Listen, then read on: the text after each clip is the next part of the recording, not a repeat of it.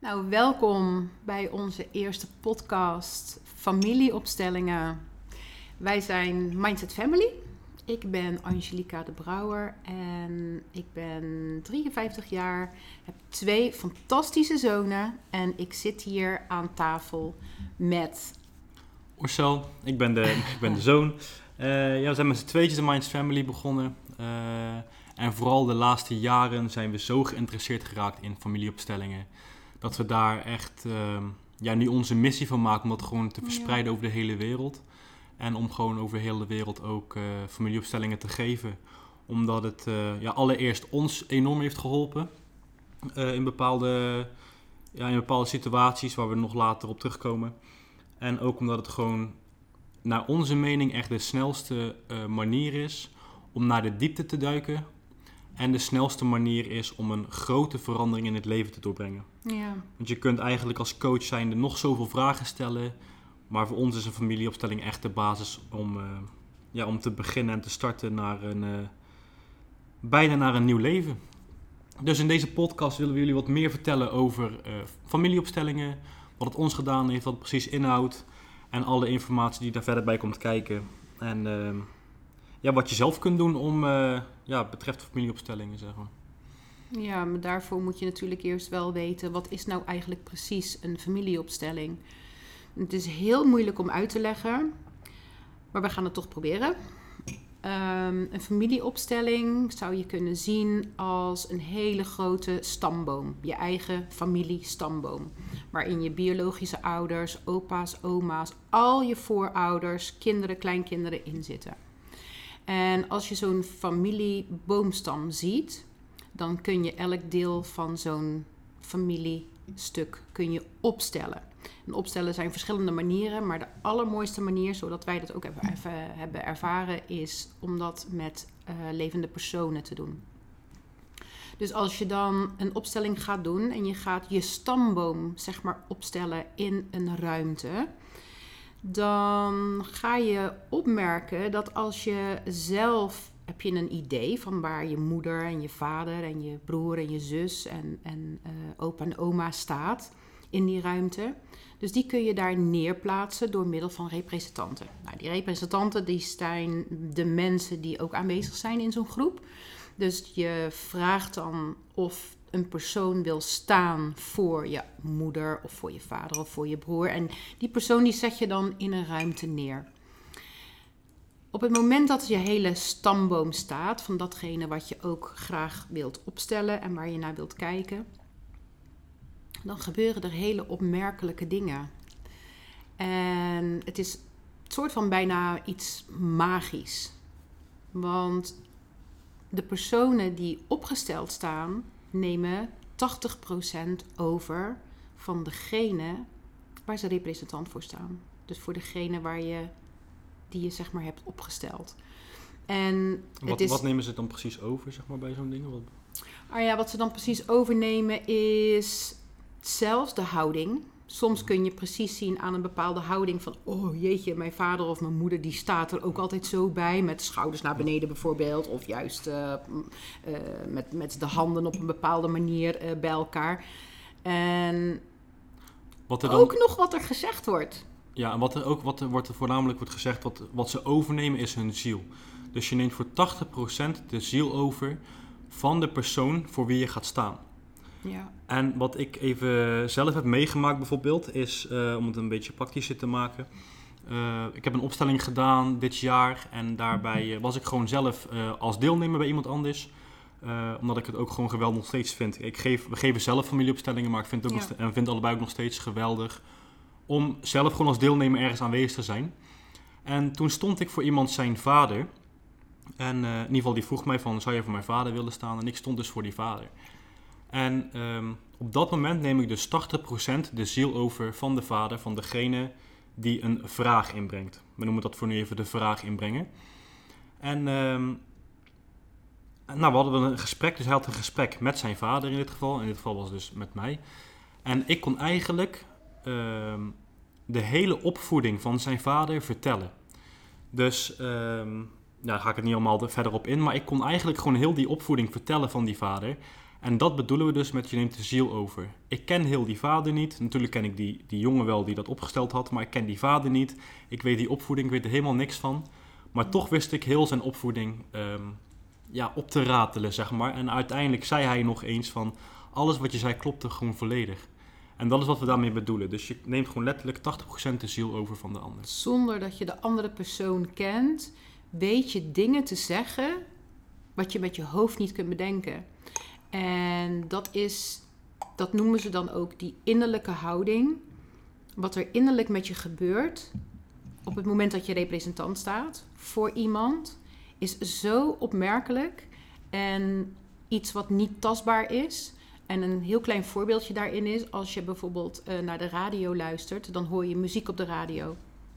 En we weten dat door middel van radiogolven die muziek bij die radio komt en dat we daardoor dus de muziek kunnen horen.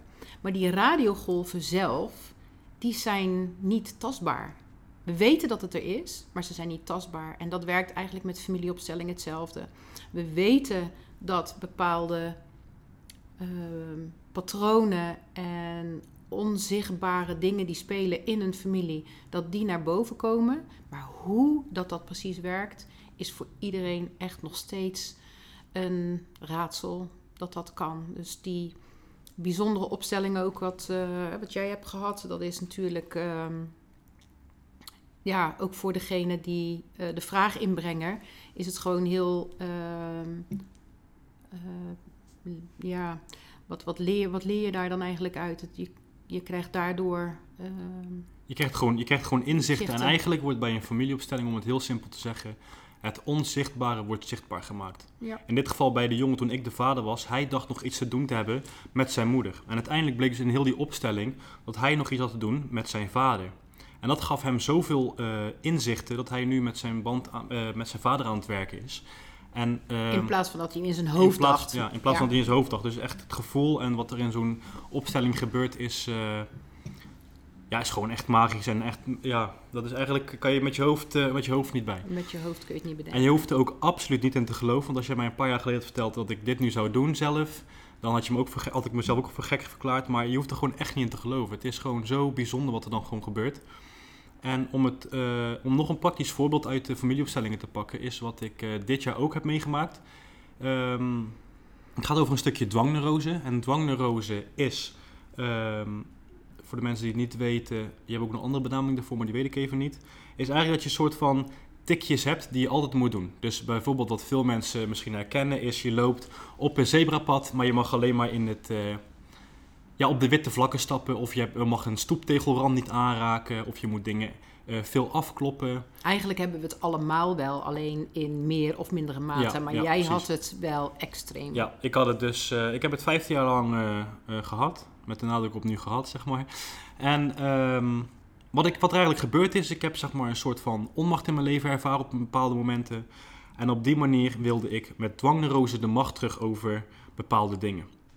Dus wat ik bijvoorbeeld had, is. Um, nou, mijn gedachten gingen van. Want ja, je gedachten spelen natuurlijk een heel grote rol in het leven. En mijn gedachten gingen van. Um, als ik nu niet af zou kloppen, dan krijgt mijn moeder dadelijk een ongeluk. En ja, dan klop je toch maar even snel iets af, bijvoorbeeld. En dat had ik uh, redelijk vaak op een dag. Totdat ik. Uh, Um, een familieopstelling heb gedaan. En dat was eigenlijk een kleine opstelling. Want ja, familieopstellingen zijn er in zoveel verschillende maten en op zoveel verschillende manieren. Mm-hmm. En ik heb deze opstelling gedaan met uh, eigenlijk twee personen. Er was één begeleider die er gewoon voor mij bij was. Uh, want ja, dat wil je graag gewoon met begeleider doen. Um, en een representant. En de representant die stond in dit geval voor mijn moeder. Um, en ik had haar, ik heb die zeg maar, in, tijdens deze opstelling het stukje onmacht teruggegeven. En dat is eigenlijk door middel van een opstelling en daar kan je heel diep op ingaan. Maar ik heb het eigenlijk, het stukje onmacht heb ik losgelaten voor mezelf. Ja, maar jij moet eigenlijk misschien nog eventjes aan toevoegen dat we dragen allemaal een last van onze ouders. En deze last, die heb jij van mij gedragen, al die jaren. Ja. En dat heb je aan mij teruggegeven, in liefde gedragen en aan mij teruggegeven. Ja. En dat is, ja, wij nemen, wij nemen gewoon allerlei dingen, allerlei lasten van onze ouders over. En in dit geval was het natuurlijk een last. Onmacht, jij... een stukje onmacht, ja. ja. Onmacht. En Ehm, inderdaad, ik vond het zelf. ehm, ehm, ik vond het zelf heel eh, soort van eng om het, om het los te laten. Omdat je natuurlijk dat ook weer je moeder niet wil geven. Maar ook voor haar geeft het meer ruimte. Ja. En inderdaad, wat ze zegt, je draagt natuurlijk een heel grote. eh, veel van je ouders. En veel mensen kunnen zich misschien wel het stukje verantwoording, eh, Verantwoordelijkheid, verantwoordelijkheid dat ze dragen zorg. zorg. En zulke dingen kunnen ook in de familieopstelling gewoon naar voren komen. In dit geval was het voor mij een stukje onmacht. Ik heb het stukje losgelaten bij mezelf. Nou, dat ga je een soort van heel, eh, ga je een kleine opstelling doen. Ehm, en ik heb het teruggegeven of losgelaten. En na die dag heb ik nooit meer last gehad van eh dwangneurose. Dus ik heb het 15 jaar lang gehad. Ik heb het losgelaten. Ja. En het is, is volledig weg. En ik vind het af en toe nu nog steeds zo bizar om te vertellen. ehm, ja, wat het gedaan heeft. Want ik heb met een. Ja, ik heb vroeger heel lang geleden met een psycholoog gepraat die mij daarbij wil, eh, wilde helpen. En dat werkte gewoon niet. En nu met zo'n familieopstelling is het zo bizar dat je met, door middel van een familieopstelling het stukje dwangneurose gewoon kan loslaten. Ja, En en hoe lang heeft dat geduurd? 10 minuten of zo? inderdaad, die opstelling heeft echt maar 10 minuten geduurd. Dus Ja. wat wij al zeggen of zeiden, een familieopstelling, daar ga je echt zo snel de diepte mee in. En ja, het is gewoon de snelste manier, of naar onze mening, om iets los te laten of om eh, een verandering door te brengen.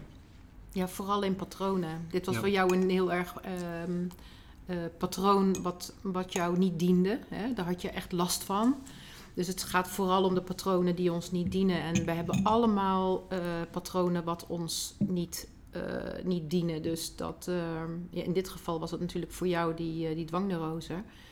Maar ja, als ik dat ooit had verteld tegen jou van ik ken een jongen die is van zijn dwangneurose af eh, na 15 jaar, want die heeft een familieopstelling gedaan, dan had je het ook niet geloofd. Het is echt iets wat je, ja, wat je zelf moet meemaken eh, om te kunnen ervaren wat dat, eh, wat dat is. Ja. En daarom vinden wij het ook gewoon heel belangrijk om hier podcasts over te gaan maken. Ehm, ook wel dingen op social media te delen, maar dit omvat zoveel meer uitleg en eigen ervaring ook. En ervaringen van anderen, dat we daarom eh, ja, deze podcast zijn begonnen om, ja, om meer mensen te laten kennismaken met, eh, Met het fenomeen met familieopstellingen. het fenomeen familieopstellingen. Dus ja. eh, bij deze was de eerste podcast. Nou, wat we hier een beetje besproken hebben is wat is nou een familieopstelling. In dit geval hebben we gewoon even een grote opstelling uitgelegd waarbij je representanten op kunt stellen. En zij dus 80% de ziel overnemen van die persoon die je opstelt. Eh, nou, vervolgens heb ik even verteld kort wat... ehm, ja, ja, want let wel, 20% ben je altijd jezelf. ja, dus inderdaad Ja. ook zelf representanten kunnen hier zoveel uithalen. En zelfs Ja. als deelnemer, ook al word je niet opgesteld, haal je ook nog enorm veel uit zo'n opstelling. Ja. Dus kort uitgelegd wat een opstelling is. Eh, ik heb even mijn eigen va- ervaring verteld om het een beetje praktisch te maken voor de, voor de luisteraars. Ehm, met, die, met die dwangneurose, dus wat het voor mij al gedaan heeft. En ehm, ja, dit was de eerste podcast. En we gaan er nog eh, vele op, eh, opnemen. We gaan nog veel meer ook de diepte in. Dit was eventjes gewoon de basis uitgelegd van de familieopstelling. En ehm, mocht je nou zelf eh, bij een familieopstelling aanwezig willen zijn, om gewoon eens, misschien ben je nieuwsgierig, misschien heb je er wel eens van gehoord. Ehm, een linkje in deze beschrijving van deze podcast zal ik erbij zetten. Wij geven zelf ook een familieopstelling op eh, 6 februari 2022. Ja. Ehm, linkje staat in deze beschrijving. Dus mocht je aanwezig willen zijn, ben je van harte welkom. En als je gewoon vragen hebt, laat het ons weten. We zijn altijd bereid natuurlijk om gewoon eh, ja, ook om vragen weer te behandelen. ja, vragen te beantwoorden. En dat kan je doen via social media, eh, via Mindset Family of eh, Facebook. Dus eh, bij deze de eerste podcast. We vonden het ontzettend leuk dat jullie erbij waren, dat je hebt geluisterd. En we zien jullie bij de podcast nummer 2 over familieopstellingen. Ja, tot dan.